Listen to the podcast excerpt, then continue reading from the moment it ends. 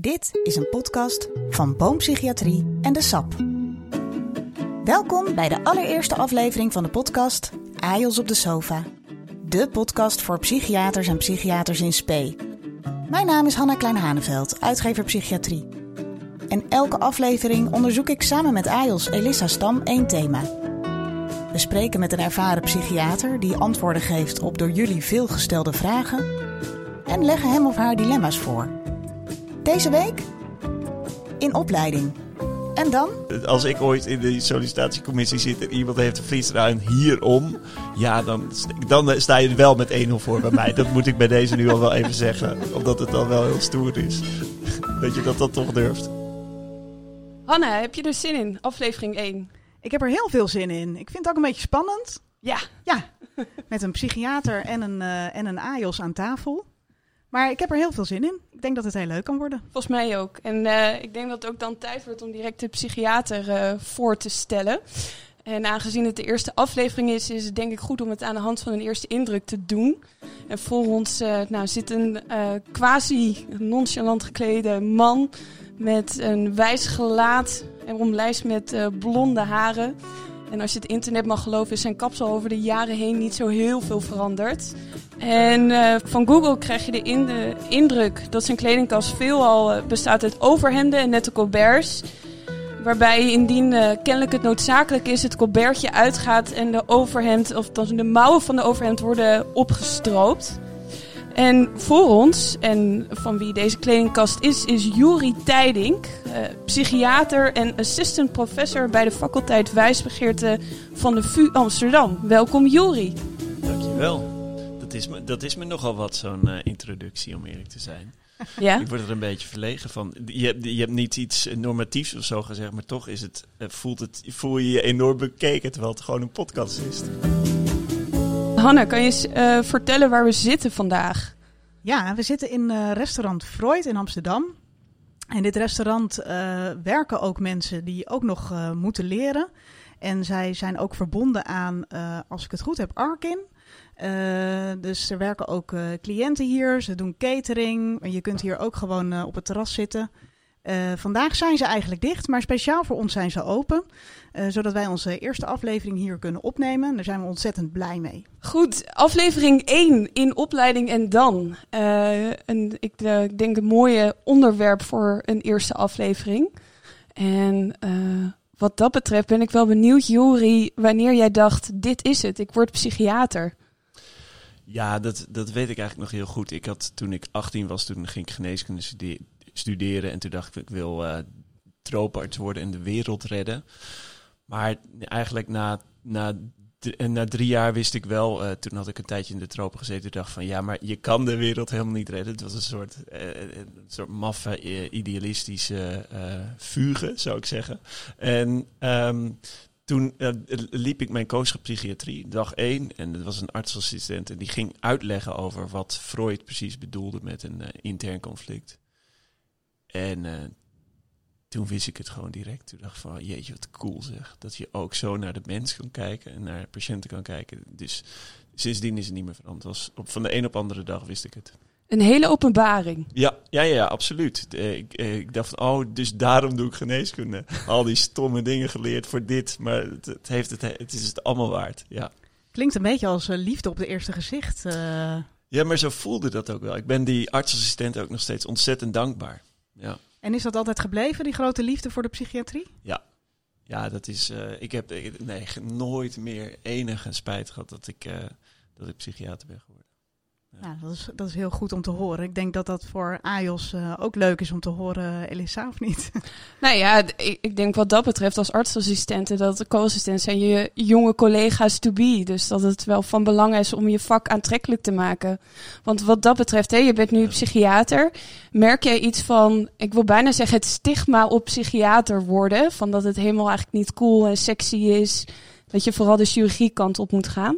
Ja, natuurlijk. Dat is, zie je in, uh, bij co-assistenten enorm. Maar ja, wij, ik vind het precies wat je zegt. Ik vind het ook als taak van ons als, als, als psychiaters en als artsassistenten om juist dat vuur wel aan te wakkeren. Door, door, door te plagen en te zeggen hoe saai het moet zijn, wel niet moet zijn om iedere dag dezelfde operaties te doen. En hoe saai het is om je hele leven vast te zitten aan het ziekenhuis. Hoe saai het is om vijf dagen te moeten werken en dat je niet gewoon drie of vier dagen zou kunnen werken en andere leuke dingen zou kunnen doen in het leven. Hoe geweldig het patiëntencontact is en dat er altijd iets spannends gebeurt uh, in het uh, patiëntencontact. En hoe, hoe naar het moet zijn dat je maar vijf minuten voor een consult hebt in, uh, in de somatische zorg en dat je in de psychiatrie gewoon twintig minuten lang je oneindige fascinatie en je nieuwsgierigheid kan botvieren op uh, patiënten. En dat klinkt negatief, maar dat bedoel ik heel positief, omdat je als in principe echt geïnteresseerd bent in diegene die tegen, tegenover je zit.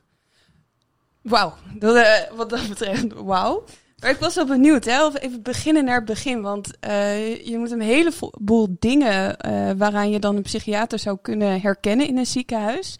Maar stel, ik ga de, uh, het personeelsrestaurant in en ik zie tien mensen op een tafel. Waaraan herken ik de psychiater? Want ik zie jou dus tegenover me met een blouseje en een colbertje.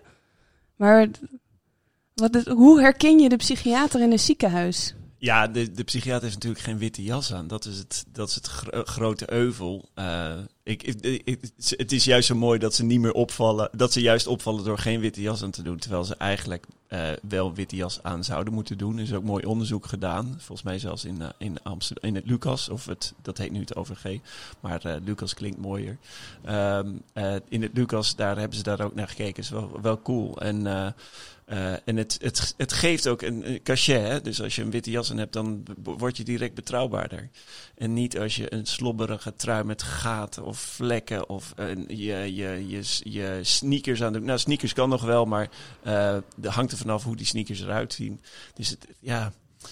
Dus je herkent ze te vaak helaas aan, uh, aan, aan slobberigheid.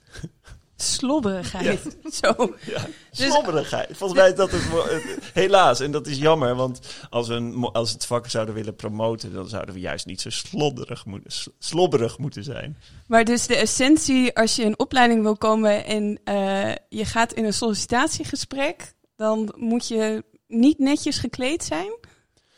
Ja, kijk, kijk ik heb daar ik heb, ik, volgens mij heb ik daar wel sterke opinies over. Uh, en die zal ik uh, met jullie delen. Ja, volgens mij hebben we daar ook een vraag over binnengekregen. Hè? Want volgens we, mij ook. We Laten we hem eens even afluisteren. Ja, zullen we die even oh, beluisteren? Ja, cool, we kregen cool, een vraag binnen van een AIOS. Beste AIOS op de sofa. Ik heb een, uh, een prangende vraag. Ik heb binnenkort een sollicitatiegesprek. En als ik de afgelopen jaren zo om me heen kijk naar de kleding van psychiaters... dan heb ik werkelijk geen flauw idee hoe ik me daarvoor moet kleden. Uh, moet ik uh, ook een vliestrui en een afgetrapte spijkerbroek aankopen, uh, aanschaffen? Of moet ik mezelf toch maar gewoon in een pak steken? graag advies. Nou, graag advies. ja, succes, Jori. Jeetje. Ehm, kijk, volgens mij is het best wel simpel. Want um, waarom zou je een vliestrui aandoen? Wie, wie zit er te wachten op een vliestrui? uh, in een sollicitatiegesprek. Het is een officieel moment. Je wil er alles aan doen om het te worden, neem ik aan. Dus ja, dan, ja, dan moet je je gewoon. Dan kan je beter overdressed en underdressed zijn, volgens mij. Dus ik snap niet dat. Ik snap niet. Als je daar gewoon goed over nadenkt, je wil niet 1-0 achter staan. Je wil niet dat daar een of andere professor met een enorme, met een enorme uh, oordeel over kledingkeuze, wil je niet dat hij jou al negatief gaat beoordelen met dat jij geen pak aan hebt. Dus gewoon je pak aan doen en gaan met die banaan, zou ik zeggen. Gewoon netjes. Um, en eigenlijk, en ik heb daar ook over nagedacht, ik heb, ik heb, ik, ik heb met toen ik nog co-assistent was, toen was ik daar nog een beetje op tegen. En ik ben toch eigenlijk wel veranderd. Want ik vond eigenlijk, ja, je moet gewoon eigenlijk alles aan kunnen doen wat je wil. En, maar dan denk je eigenlijk vanuit jezelf. En uh, in dit geval gaat het niet, oh ja, het gaat over jou, maar het gaat over jij wil een baan en zij moeten iets van je vinden. Dus je moet gewoon nadenken over wat zij fijn, vinden, uh, fijn zouden vinden. Maar het gaat natuurlijk ook wel een beetje om dat je misschien jezelf ook bent, of niet? Dat ja. gevoel kan ook bestaan misschien bij uh, een sollicitatie, dat je toch ook iets van jezelf laat zien. Dat kan misschien ook best in een pak, maar... Ja, maar dat, kan, dat hoeft niet in een vliestrui. En, en, je, en, je, ja, nee, en jezelf laten. Ja, je, ik ben het met je eens. Jezelf is heel belangrijk. Je moet je uh, comfortabel voelen erin. Maar ja, dan zou ik zeggen: ga even oefenen. Een week in een pak en dan voelt het comfortabel. Ja, volgens mij is het, is het echt wel zo simpel. Maar, maar dit gaat voor mannen. Hè, dus voor vrouwen vind ik het ingewikkelder. Want uh, die, hebben, die, hebben, die hebben, wat mij betreft, meer mazzel. Die kunnen veel meer uh, variëren en uh, veel meer verschillende dingen aandoen. Maar het, het, volgens mij zit het probleem uh, nog, gaat het verder. en dat gaat ook over patiëntencontact namelijk. Want ook daarin kan een vliestrui of een pak, nou een pak is misschien overdreven, maar zorg dat je er verzorgd uitziet. Want bij, je weet niet wie je patiënt is en uh, je, je, je, je wil gewoon dat, uh, dat, dat, het niet, dat je niet 1-0 achter staat. Dat hij niet allemaal oordelen over je heeft. Dus zie er gewoon verzorgd uit. En dan, uh, dan, dan krijg je direct al het, in ieder geval al een betrouwbare indruk van de patiënt. Okay. Hey Hanna, um, jij werkt natuurlijk bij Boompsychiatrie. Dus jij hebt denk ik ook heel wat psychiaters in jouw carrière voorbij zien komen. Heb jij ja, wel eens psychiaters in vliestruis of dat je dacht, jeetje, wat is dit voor iemand? Nou ja, um, eigenlijk gaan wij met, uh, met Boom. En voorheen werkte ik bij de Tijdstroom. Uh, wij waren uh, elk jaar in Maastricht bij de NVVP. Eh, het jaarlijkse het voorjaarscongres. En ehm, nou, daar zie je in gedurende drie dagen zo'n 2.500 psychiaters, denk ik, aan je tafeltje voorbij lopen om in alle boeken te kijken die wij daar dan aanbieden. En dan zie je wel grote verschillen, ja. Er zijn inderdaad dan ook vliestruien aanwezig en uh, slobberige spijkerbroeken. Maar er zijn ook een heleboel uh, psychiaters die er erg verzorgd uitzien. Dus ja, er is best wel wat diversiteit. Ik moet wel zeggen dat ik wel verschil zie. Um, maar dat heeft niet alleen met uiterlijke kenmerken te maken, maar ook met hoe, hoe psychiaters zijn in de omgang, zal ik maar zeggen tussen psychiaters en andere uh, vakgebieden. Nou, uh, vertel meer. Nu wil ik wel meer weten. Wat is, dat, wat is dat zo verschillend? Nou ja, ik denk um, sowieso boeken maken voor psychiaters is heel leuk. Want psychiaters houden over het algemeen best veel van lezen. Um, maken daar ook wel tijd voor vrij. Vinden het ook leuk om een mooie boekenkast achter zich te hebben met mooie boeken. Dus uh, als uitgever is het leuk om voor uh, psychiaters boeken te maken. Dat is voor anesthesiologen al een beetje anders, hoewel we daar ook wel eens een mooi eh, boek voor hebben gemaakt. Maar die waren toch meer getriggerd door de app die we daar vervolgens bij gingen ontwikkelen. En die waren veel meer bezig met techniek en met uh, veel vooruitstrevender. Uh, alles moest ook sneller, denk ik. Ze waren veel eerder in oordelen. Uh, dus in, in veel opzichten zie je toch wel grote verschillen tussen, nou, pak een beetje een chirurg, en, uh, maar ook met een huisarts bijvoorbeeld of een kinderarts. Dat zijn ook weer heel andere type mensen. Dus het is wel grappig om te zien. Ik denk dat, dat je psychiater toch wordt omdat het ergens ook bij je past, bij een soort karakter. Dat klinkt een beetje alsof we allemaal paradijsvogels zijn in de psychiatrie. ja. Um, nou, dat is toch niet helemaal waar. Maar uh, psychiaters zijn over het algemeen wel invoelende mensen. Mensen die ook luisteren naar een ander. En niet alleen maar uh, snel willen beslissen, maar ook wel overwogen dingen doen. Dus in die zin uh, is het wel een bepaald type mens, ja. Maar niet per se alleen maar paradijsvogels, hoewel die er natuurlijk ook echt wel tussen zitten, ja. Dat klopt. Ja. Dus ja, ja, dus het zijn wel iets andere types, dat denk ik. Dat denk ik, om eerlijk te zijn, ook wel. Maar dat heeft ook, er is een enorme variatie, denk ik. En ja, dat is denk zeker. ik meer bij psychiaters. Dat zou ik me kunnen voorstellen dat dat meer is bij psychiaters dan bij uh, anesthesiologen of zo. Of cardiologen, ja. chirurgen. Hey, en jij had het net ook over die verschillende instellingen hè, waar je dan kunt werken. Ik, ik kan me voorstellen dat als je in uh, pak een beet Assen als psychiater uh, aan het werk gaat dat je dan ook wel weer tegen heel andere dingen aanloopt. En misschien ook wel een ander type moet zijn dan wanneer je in de Randstad werkt, of niet? Of is daar niet zo'n groot verschil tussen? Wat denk je, Lissa? Ja, ik heb natuurlijk en in Amsterdam gezeten en nu in het noorden des lands. Um, ik denk wel dat in de psychiatrie er grote verschillen zijn. En al is het alleen maar omdat natuurlijk hier in de Randstad veel minder bedden zijn. Dus er eigenlijk uh, tot echt het allerlaatste moment gewacht wordt totdat mensen uh, zijn opgenomen of worden opgenomen. En ik bedoel, iets als een crisisdienst in een provincie Groningen is gewoon de hele provincie Groningen. Dus dan kan je rustig drie uur in de auto zitten om dan je patiënt te zien. En dat is natuurlijk hier in Amsterdam, ja, je springt op je fietsje, want een auto heeft geen zin. En dan ben je zo bij nou, degene die je moet beoordelen. Ja, het gaat om postcodegebied. dat is wel iets anders, ja. De stad wordt in een paar delen opgedeeld, ja.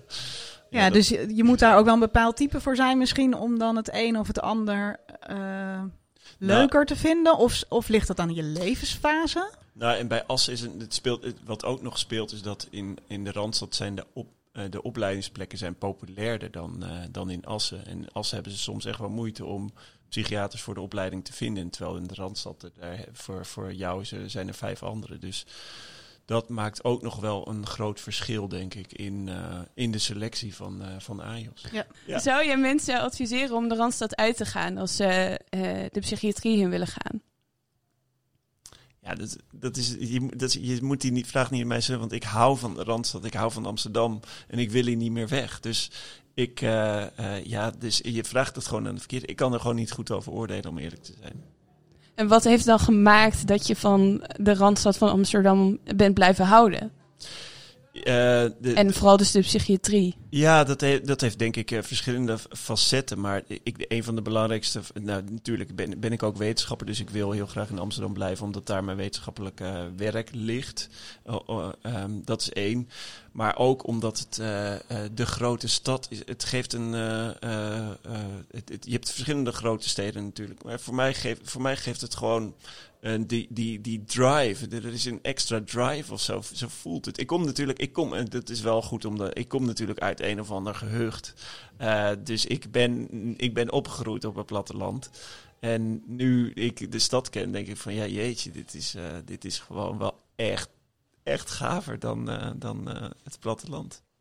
Ja, en ja, die, ja, ja, ik kan dan past het dus gewoon bij jou als persoon. Precies, dat denk ik ook. En niet zozeer En die psychiatrie ook. Dus ja. dat, ja. Ja. Maar dat klinkt eigenlijk dat als je twijfelt, dat je bij wijze van spreken een soort oriëntatiejaar moet gaan doen met een half jaar uh, op het platteland. En dan een half jaar in de stad om te kijken van of het iets voor je is. Ja, maar volgens mij noemde een van jullie net ook het levens, levensfase. Ja, ik denk als je drie kinderen hebt en je, je wordt AJOS, dat een rustigere plek waar je ook een groter huis kan kopen, dat dat wel, uh, wel fijn is dan in, in de grote stad waar, het, waar je hier uh, met, met drie kinderen dan op een eenkamerfletje moet gaan wonen. Met, het, met een AJOS-salaris. Dus dat is denk ik een, dat, is, dat speelt heel erg mee. Terwijl als je, als je 28 bent en je. En je, je, bent nog niet zover in, in die levensfase, dan kan ik me voorstellen dat je eerder voor de stad kiest. Uh, maar daarnaast zijn er nog heel veel andere redenen. Want als jij bijvoorbeeld bepaald wetenschappelijk onderzoek wil doen, dan wil je soms juist naar Groningen of juist naar Maastricht. Ja. dus dat speelt ook nog mee. Um, ja, dat, dus het is denk ik heel persoonlijk. Vind je, je hoort natuurlijk heel veel hè, bij interne chirurgie dat uh, promoveren een soort ja, ijs, vinkje. Althans, daar is natuurlijk het debat nu over. Maar dat je dat gedaan moet hebben voordat je in opleiding komt. Is het naar jouw idee dat um, ook gaande in de psychiatrie? Of maakt het eigenlijk niet zo heel veel uit? Nee, dat maakt niet zo heel veel uit. In de psychiatrie kom je zonder, uh, zonder promotie kom je, uh, kom je er ook in opleiding. Dat is geen enkel probleem. Het heeft er soms een streepje voor, maar soms ook helemaal niet. In de academie misschien iets. Wat zou dat zijn eigenlijk? Dat, dat wij daar, uh, of als, althans ik ben natuurlijk in opleiding tot psychiater, dat wij er niet zo interesse in hebben of mensen nu wel of niet gepromoveerd zijn? Um, nou, ik, kijk, dat hangt gewoon van het instituut af. Ik denk dat, dat, uh, dat een academisch ziekenhuis dat die daar echt wel naar kijkt en daar heel gevoelig voor is. Uh, als je daar solliciteert en je bent al gepromoveerd. Of als je wil promoveren. Dus dan is, is het direct interesse, uh, direct een soort wederzijdse interesse natuurlijk. Um, maar ja, ik, ik, ik denk dat, dat, dat wij, ja, nu, nu, nu val ik mijn beroepsgroep wel een beetje af, maar ik denk dat wij gewoon gemiddeld wat minder wetenschappelijke interesse hebben als psychiaters. En dat is in de academie is dat niet zo, maar in, het, uh, in de periferie is dat wel zo. En dat is heel erg jammer. Daarom, dat is een van de redenen ook waarom we de jonge psychiater hebben opgericht, is oh, we willen gewoon uh, wetenschap leuk en enthousiast. En er zijn zoveel coole bevindingen, zoveel nieuwe kennis die er is. Ja, daar, daar, die moet je delen. En daar moet je een beetje een fris platform en een fris jasje voor vinden. Uw opleiding hier onder de aandacht? Maak dan nu gebruik van de opleidingsminuut. U krijgt dan in deze podcast even een minuutje tijd om een AIOS te werven. Meer informatie? Mail naar podcast.ajospsychiatrie.nl ik ben zelf eerst een opleiding gaan. Want ik vond, ik vond namelijk van, ja, die wetenschap, ik weet het niet hoor. Dan ga je het eerst doen. Jeetje, al die tijd. En dan, je wilt toch psychiater worden? nee, eerst, eerst psychiater worden. En toen, en ik had ook wel een zekere aversie tegen de wetenschap. Ik dacht van, jeetje, als je die trials van antidepressiva kijkt, wat is dat toch, wat, wat is dat voor geknoei zeg. Maar daar is ook mijn interesse begonnen. Van ja, maar als je dan, als je dan het geknoei vindt, dan moet je het ook gaan onderzoeken. En, uh, en daardoor is bij wetenschap eigenlijk mijn, mijn veel meer gaan bevangen. Dus, dit, ja, dus, dus ik, ik, wetenschappelijke ontwikkeling is gewoon super belangrijk, vind ik. Uh, maar dat kan ook prima tijdens de opleiding. Maar dan moet er wel echt een flink fundament in de opleiding worden gelegd. En dat, dat ontbreekt nu nog wel een beetje, vind ik. Word je ook een betere wetenschapper, denk je? Als je al wat ervaring hebt als psychiater, gewoon in de praktijk? Um, klinische wetenschapper zeker. Dus als je klinisch onderzoek doet, ja, 100, 100 procent. je, hebt, je hebt dat echt nodig. Het probleem natuurlijk met promoveren is vaak dat je iemand anders heeft alles al bedacht en jij moet het gaan uitvoeren.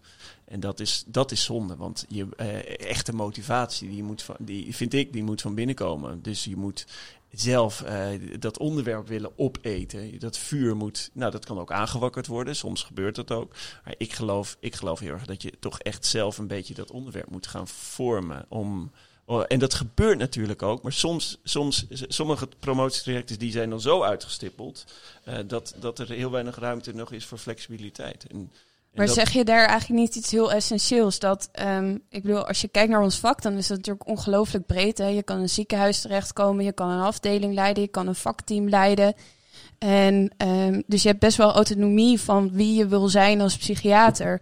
En dat wat dat betreft, als je begint aan een wetenschappelijke carrière, je toch best wel in een soort ja, in de pas moet lopen of moet gaan doen wat een promotor of een co-promotor heeft bedacht. En of dat ligt je en het is hartstikke leuk, of het valt eigenlijk tegen. En dat dan eigenlijk in de psychiatrie er veel meer ruimte is om te zeggen, nou ja, dan maar niet. Ja, ja omdat je hebt het niet nodig. En nee. dat, maar toch, toch, als je toch kijkt, we hebben een psychiaterthermometer gedaan, we hebben onderzoek gedaan. En dan zie je toch dat uh, eh, 15 tot 20 procent van die deelnemers, die is gepromoveerd. Dus dat is echt wel een, van, van de 900 psychiaters die, die of die waren ermee bezig of die zijn gepromoveerd. Ja, dat vind ik toch mooi, echt een mooi aan. Toen dacht ik van, daar was ik echt blij mee toen ik dat las. Dacht van ja, het is toch heel veel, is toch meer, misschien ben ik te negatief over de beroepsgroep. En zijn er gewoon meer mensen die echt wel in wetenschap geïnteresseerd zijn en daarover na willen en kunnen denken.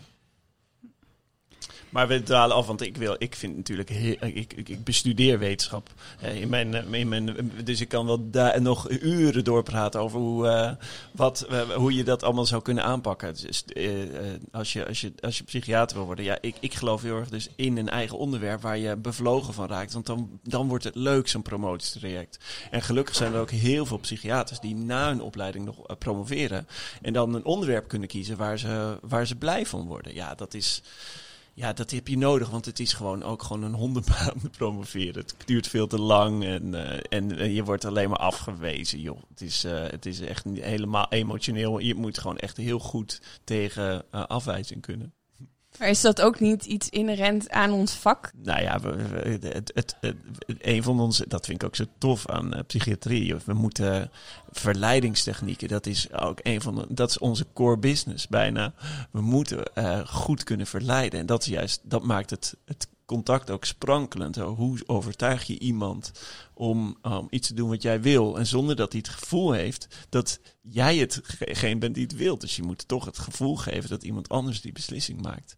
En dat, uh, dat, is, een, dat is een geweldige. Uh, nou, het spel klinkt zo negatief, want het is, het is, het is, het is heel serieus. Maar dat is wel uh, waar, je, waar je steeds beter in wordt. En wat heel lang duurt. Je duurt zo ongelooflijk lang om uh, om daar goed in te worden. zit daar een soort. eh, eh, eigenlijk is het dus best wel ingewikkeld om anios in psychiatrie te zijn. Omdat je natuurlijk eh, nou, soms wat onderwijs kan meepikken. Maar dit soort verleidingstechnieken of eh, eh, bevragingstechnieken. Ja, hoe, hoe doe je dat? Heb je tips voor aniossen die nu aan het luisteren zijn? ja, oefenen, oefenen, oefenen. Zoveel mogelijk oefenen. Gesprekken voeren. En eh, soms duren ze te lang en soms duren ze te kort. En nieuwe dingen proberen. Dat is ook super belangrijk. Hè? Eh, ik, vind separeerbezoeken vind ik een heel goed voorbeeld. Omdat je daar heel erg kan variëren in. hè, je, een, een patiënt is heel geagiteerd of heel erg boos. En jij komt even binnen. En je wil, moet in drie seconden moet je toch contact maken. En dat is dus het moment dat je, ja, dat is puur, dat is gewoon creativiteit. Als, je nu, als je dan een, een, je alt is, of hoe heet het, je standaard vragenlijst begint, ja, ben je weg. Kan je het vergeten. Dus dan, je moet je beginnen over de kleur van iemands haar. Je moet beginnen over, ja, daar hadden we het net over, je moet beginnen over, eh, over, dus over eh, eh, hoe, wat voor weer het buiten is. Je moet beginnen over de, een voetbalteam. Je moet beginnen over gitaar, de favoriete muzikant. Dat is waar je begint om, om niet met direct al 2-0 achter te staan. Je moet dus eerst verbinden. Je moet eerst verbinden, ja. Precies, je moet, je moet verbinden. Dus je bent, ja, de- ja, misschien is verleidingstechnieken klinkt ook een beetje negatief. Misschien zijn het gewoon verbindingstechnieken. Ja. Dat is, klinkt eigenlijk veel mooier. Ja, Is dat ook iets wat je dan leert in supervisie bijvoorbeeld? Is misschien Ehm. sowieso nog wel een onderwerp waar we het even over moeten hebben. ja, ja het supervisie, ja, dat- is... eh, in principe zou je dat moeten leren in supervisie. Ja. In principe suggereert dat dat niet altijd zo eh, is. Nee, maar ja, nee, want dat, nee, ja, net zoals dat je goede slechte AIOS hebt, heb je goede slechte supervisoren. Eh, laten we zo eh, het hebben over goede en slechte AIOS'en. Maar ik wil eigenlijk wel eens beginnen met wat is dan een goede supervisor? Ehm, een goede supervisor.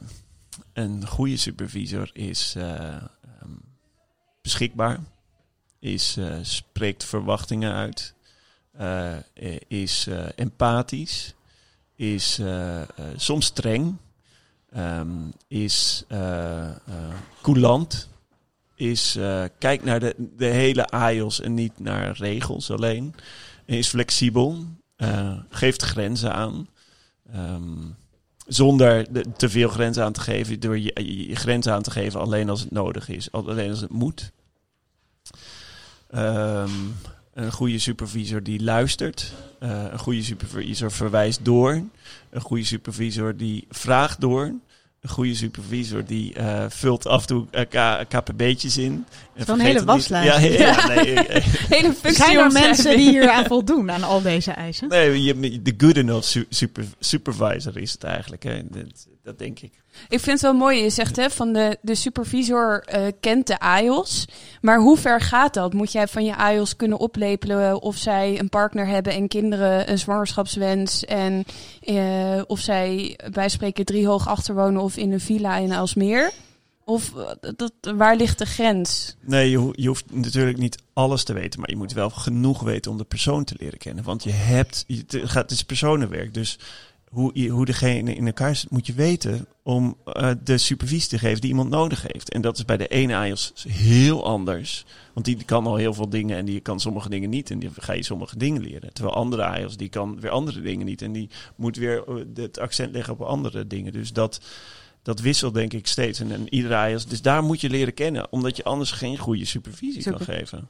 Ik ben wel benieuwd, eh, want Hanne, jij begeleidt natuurlijk psychiaters bij het schrijven van een boek. Van, hoe, hoe doe je dat? Van hoeveel moet je van een psychiater weten om dat succesvol te laten zijn? Ja, goede vraag. Ah.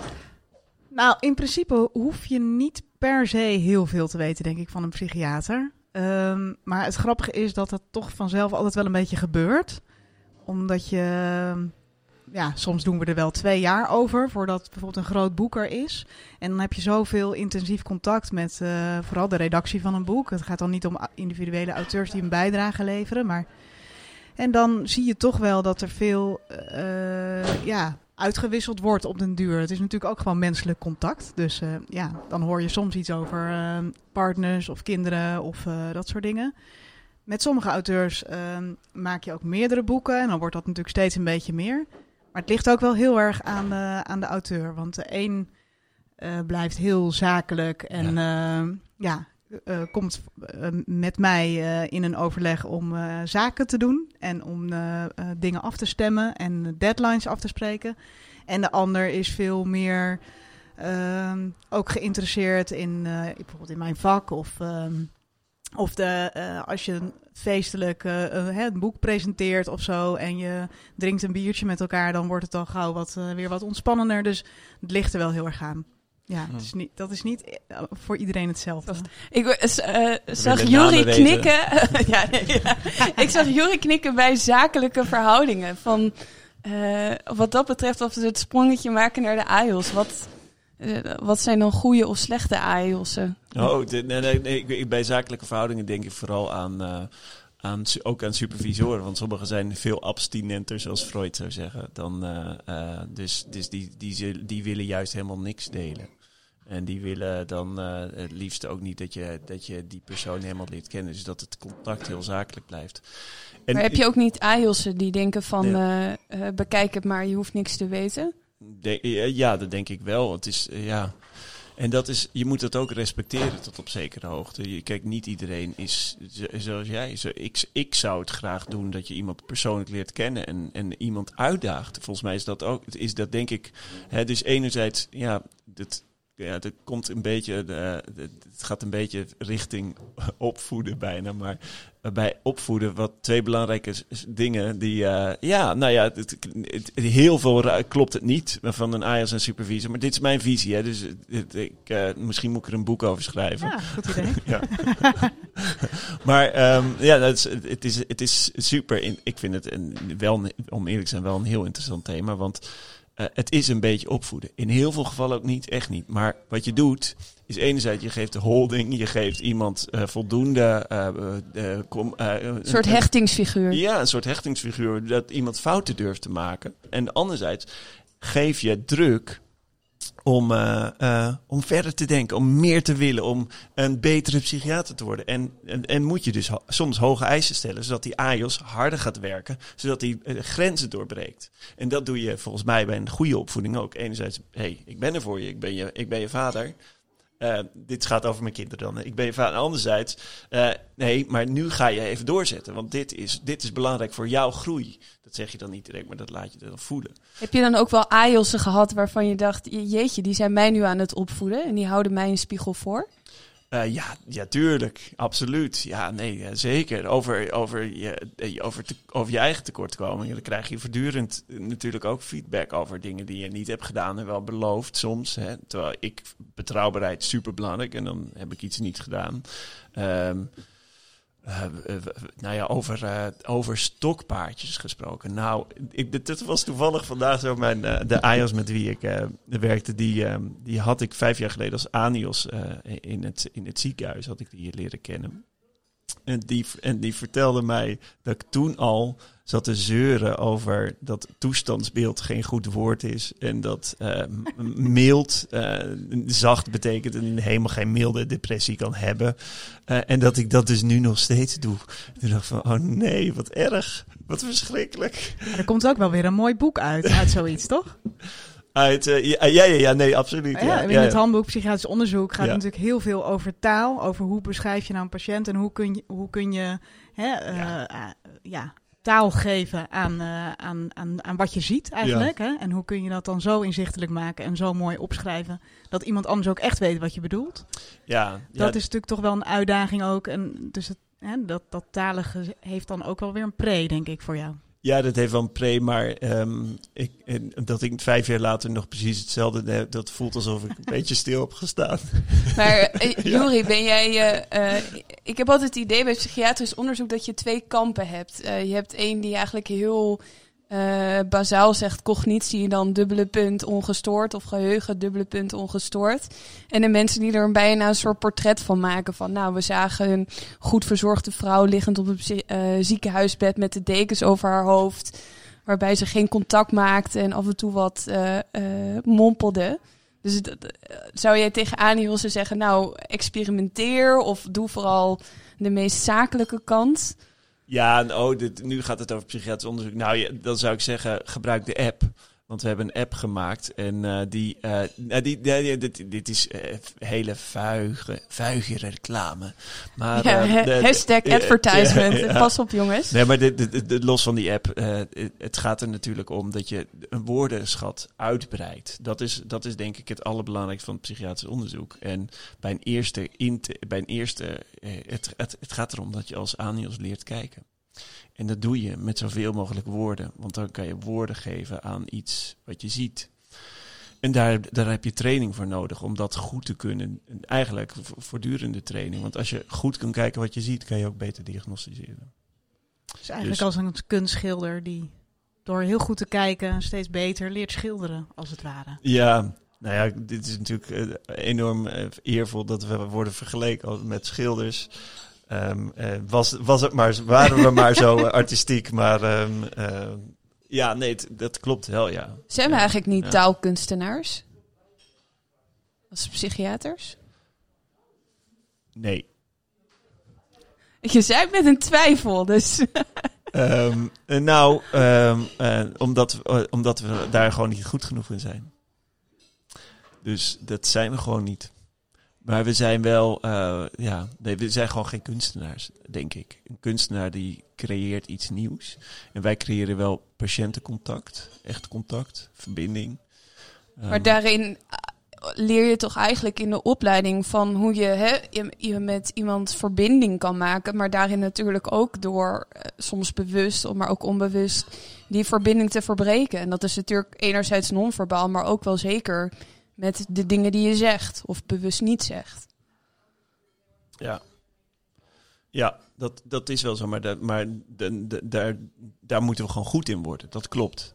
Maar om dat dan kunstenaar te noemen. Het is meer vakmanschap. Ja, het is vakmanschap. Vakmanschap. Ja, ja, precies. Dat klopt. Ja, het is, het is gewoon vakmanschap. En, daar, en dat het coole van psychiater worden is natuurlijk dat, dat, dat je altijd beter kan worden. Dus dat het oneindig is. Want je, wordt, je, je maakt weer fouten en dan, eh, dan word je weer iets beter. En je moet ook juist heel veel fouten maken om, om beter te kunnen worden. En dat ju- met de supervisie is dat juist heel erg rot. Want eh, je wil helemaal geen fouten maken. Want je supervisor, lees je vader, die ziet hoe, of je goed of eh, fout bent. En die wil het heel graag goed doen. Terwijl het juist goed zou zijn om fouten te maken, denk ik. Ehm, dus het moet veilig genoeg zijn om fouten te durven maken. ja, en dat om, is wat, de- wat ja. supervisie moet zijn. Ja, en daar heb je een supervisor nodig die je daarin pusht. En dat is denk ik, eh, eh, dat gebeurt denk ik niet altijd. Dat is jammer. Dat zou, dat zou, dat- ja, dat is jammer. Of, of misschien gebeurt het wel, dat weet ik eigenlijk helemaal niet. Nee. We hebben het nu gehad over hè, de psychiater als eh, kunstenaar, dan wel eh, vakman. Eh, psychiater die, die talig is. Ehm, zijn er nog meer vakgebieden waar de psychiater een beetje in de buurt komt? Als je denkt aan eh, wetenschappelijke Oh, studies. zo, ja. Ehm jeetje, dat is een moeilijke vraag. Filosofie, denk ik, hè? Ja, ja filos- maar, maar ik weet ook niet. Ja, ik weet het ook niet hoor. Of dat filosofie wel eh, zou moeten zijn. eh, ik denk het niet hoor. Weet je, dat, dat, dat, eh, dat, ja, weet je hoe hard die nadenken. Maar Als je zo hard, hard en, en diep nadenkt, ja, dan kan ik me niet voorstellen dat er dan nog ruimte over is om met je patiënt te praten. Ja, ik weet het niet, want eh hè, jij werkt natuurlijk op de VU. Eh, volgens mij zijn er wel meerdere eh, filosofen slash psychiaters. Is, het- zou het juist niet twee vakgebieden zijn die hand in hand kunnen gaan binnen de opleiding? Misschien Ja. moeten we het eens aan zo iemand vragen. Dat denk ik ook, ja. Ja, wie, wie zouden we nou daarvoor kunnen bellen? Nou, ik denk dat jij het het beste weet werkzaam zijn op de VU, toch? Ja. Ehm, de, even Ik kijken. ken er wel een paar, maar niet, niet allemaal bij de VU. Ja, maar, maar, wie, wie zou daar het beste antwoord op geven? Het moet toch een beetje een fris antwoord zijn. Ja, Ja. Gerben Mijnen. Ja, Gerber Mijn. Ja, dus wel. Ik Ja, denk. Zal ik hem gewoon even bellen? Ja, bel hem maar Ja. gewoon. Ik denk dat hij wel een leuke antwoord heeft. Ja. Hij is sowieso altijd leuke antwoorden. Maar of hij hier een goed antwoord op weet, eh, we- laten we het even proberen. Ik ben maar. benieuwd of hij opneemt. Druk. Me- meestal wel, maar ja, Ja. weet nooit. Een druk bezet Ja, man, dus... ja, eh, ik denk dat hij heeft la- la- onlangs nog 400 miljoen gewonnen met een of andere beurs. Oh ja. Zeker. Ja, dat is echt gek, maar dat is heel tof. de Dat- Vidi, toch? ja. Ja. Ja, dat is Vidi's. De V staat voor 400 miljoen. Nou, daar zal ik hem nu even niks Ja. over vragen, maar ik ga hem even bellen. Oké.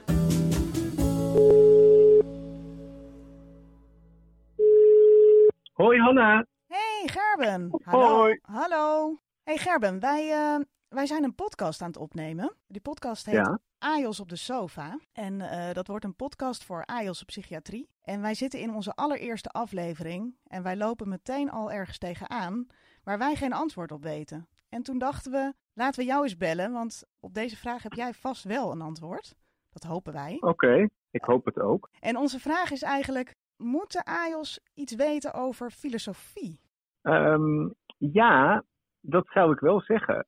Maar, maar dat iets zou ik dan ook nog wel iets willen specificeren. Want eh, filosofie is natuurlijk wel heel breed. En je kunt niet uitsluiten dat AJOS iets hebben aan logica. Hè, of om ehm, iets te weten van eh, Thomas van Aquino.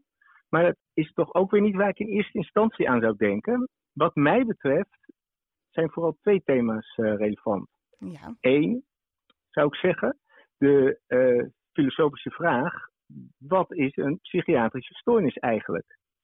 mhm. En dan ook kijken naar de ervaring van de stoornis, zoals bijvoorbeeld Wouter Kusters daarover schrijft. Als filosoof aan de ene kant, maar ook met zijn eigen ervaring met psychose. ja, Ehm, want hij is ook ervaringsdeskundige, hè?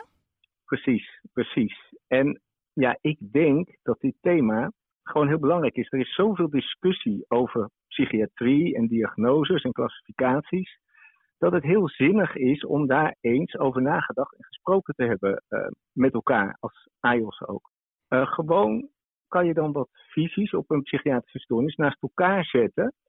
En dan eh, kijken ja, in hoeverre die kloppen en wat sterke en zwakke kanten van die visies zijn. Ja, precies. Tweede punt, ja, het tweede punt eigenlijk ook maar direct. Dat, ja, dat is de ethiek. Dat is natuurlijk een centraal onderdeel van de filosofie. Mhm. En ehm, psychiatrische stoornissen kunnen bijvoorbeeld iets doen met iemands autonomie, met de controle over je handelen en je leven. Eh, je kan je anders en soms ook gevaarlijk gaan gedragen. Ja, en dat heeft allemaal consequenties voor de psychiatrie en vooral voor het toepassen van dwang. En daar hebben AIOS'en vaak ook in het begin van de opleiding direct al veel mee te maken. En eh, dat werkt twee kanten op. Dat is ethisch heel relevant. En ik denk ook dat de ethiek daarvoor weer heel relevant is. Ja. En ehm, het zou, als je het daarover hebt, over die dwang, gedwongen opname, gedwongen ingrijpen in iemands leven, eigenlijk ook moeten gaan, en dat gaat het al vrij automatisch, maar toch wel op letten, denk ik, over misbruik van de psychiatrie. In de geschiedenis, soms ook recente geschiedenis, zoals in de Sovjet-Unie. Maar ook de risico's die wij, hoewel we het natuurlijk allemaal eh, heel goed eh, regelen, misschien toch nog lopen in dat opzicht. Om toch die dwang niet helemaal goed toe te passen. En daar is natuurlijk ook veel positieve ontwikkeling in geweest de afgelopen tien jaar in elk geval. Misschien wel het belangrijkste, belangrijkste reden eh, waardoor het zinnig wordt om in de opleiding aandacht aan filosofie te besteden, zou ik zeggen, Mhm. is het feit dat AIOS'en, psychiatrie, er zelf in geïnteresseerd zijn. Tenminste, dat is mijn ervaring. Dus Ehm. misschien ook omdat die, met die vakgebieden wat met elkaar te maken hebben of dicht bij elkaar liggen? Dat zou heel goed kunnen. En volgens mij geldt het niet alleen voor de AIOS'en, maar ook voor de psychiaters. Ik denk dat psychiaters de meest filosofische medisch specialisten zijn. Op onze afdeling filosofie aan de VU werken bijvoorbeeld al drie psychiaters. Ja. En dat, eh, ja, en dat AIOS'en psychiatrie, ja, dat zijn wat mij betreft de meest filosofische AIOS'en. Dus ik denk dat het eigenlijk heel natuurlijk en passend is om in de opleiding aandacht aan filosofie te besteden. Nou, dat heb je heel helder uitgelegd, Gerben. Daar kunnen wij wel weer mee verder. Goed te horen, Anne. Heel fijn dat we jou even mochten storen zomaar. Nee, leuk. Ja, vond Ja. ik ook. Mochten we nou nog eens tegen een andere vraag aanlopen, dan bellen we je misschien nog wel eens. Ik eh, zie er naar uit. Prima. Dank voor je Oké. tijd. Hey, dag hè. Hoi, hoi. Nou, ja, wel duidelijk toch wat hij daarover zegt. Er zijn eigenlijk een heleboel aspecten waarom je als AIOS toch iets over die filosofie zou moeten weten. Mhm. Ik denk, ja, nee. Hij legt het eigenlijk geweldig, geweldig Ja. uit, om eerlijk te zeggen. Dus eh, eh, ja, en, en, en het feit dat de, de psychiater ook met, beide, met één been echt in de maatschappij staat, helpt daar denk ik ook heel enorm bij. Wat een heel nieuw perspectief op, eh, op eh, psychiatrische ziekte geeft. eh, en een, veel, een, een enorm nieuwe dimensie. Dus dat is wel, ja, dat is wel heel mooi. Het is alleen heel moeilijk omdat, eh, zo, zoals hij, zo helder als hij het uitlegt, zo moeilijk is dat soms om in de praktijk, als jij in een separeer, nou in een separatiencel eh, komt het nog dichtbij over vrijheidsbeneming Ja, bijvoorbeeld. precies. hè? Als je het over dwang hebt. Ja. of- Ja, over dwang, dan, dan, komt dan komt dat heel dichtbij, vind ik. Ehm, en, dan, eh, en de ethiek, ja, de ethiek, daar hebben we eigenlijk dagelijks mee te maken. We hadden het al even over verbindingstechnieken. Ik noem het nu verbindingstechnieken. Eh, ja, dat is ook ethiek, hè. Ehm, eh, en eh, hoe je dat doet en in hoever, hoeverre mag je gaan om, om, om een patiënt te verleiden om eh, te doen wat jij denkt dat goed voor hem is. Terwijl, terwijl hij dat misschien helemaal niet wil, maar door jouw verleidingstechnieken gaat hij dat dan toch doen. Ja, dat, is, dat zijn, vind ik, hele mooie en moeilijke vragen, maar ook wel hele mooie vragen. Is dat eigenlijk ook niet de kern van ons vak, waardoor heel veel mensen het doen? Het is niet zwart of wit. Ik bedoel, als je kijkt naar internisten, iemand heeft een nierfunctiestoornis of niet, maar je kan altijd blijven debatteren. Is het een psychose of is het een depressie of is het ja, iets wat bij een bevolkingsgroep hoort of een eh, plukje samenleving van, de Ne- van Nederland? Ja. En eh, dat, eh, dat, dat je daarin altijd kan afvragen van ja, doe ik het eigenlijk wel goed? Mhm. En daarom vraag ik me ook wel af, hè, mogen psychiaters onzeker zijn over hun vak? Of eigenlijk de uitoefening van hun vak?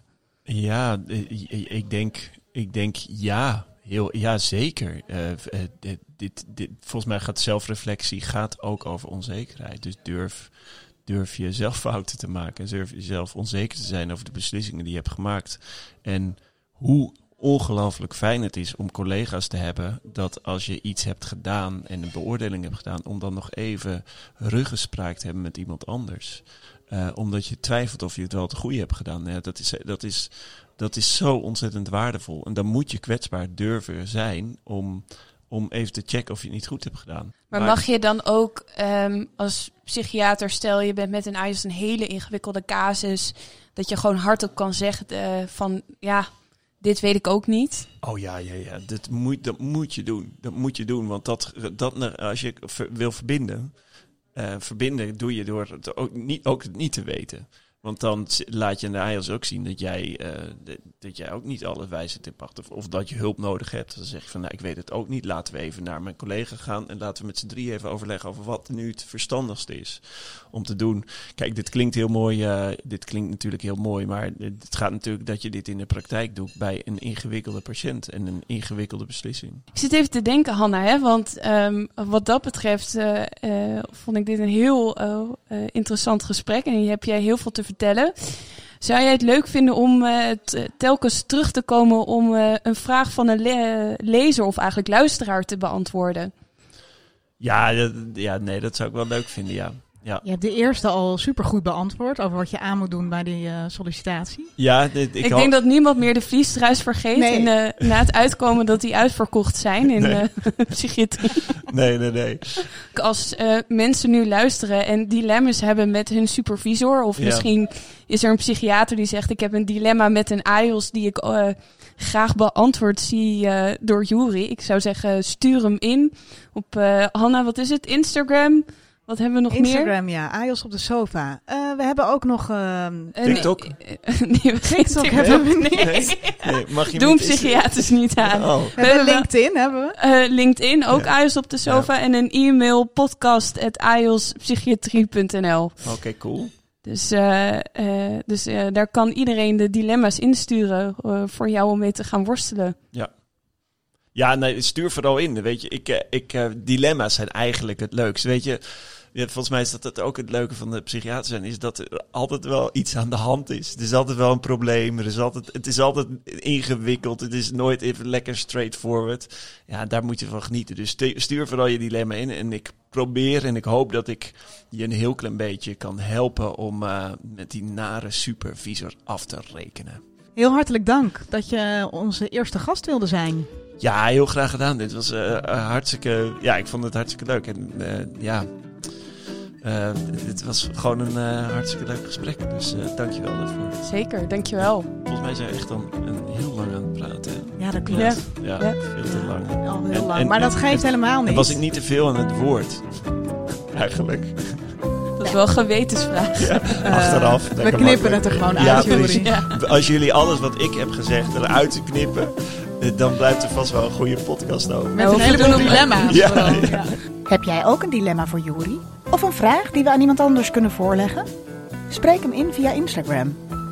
@ajos op de.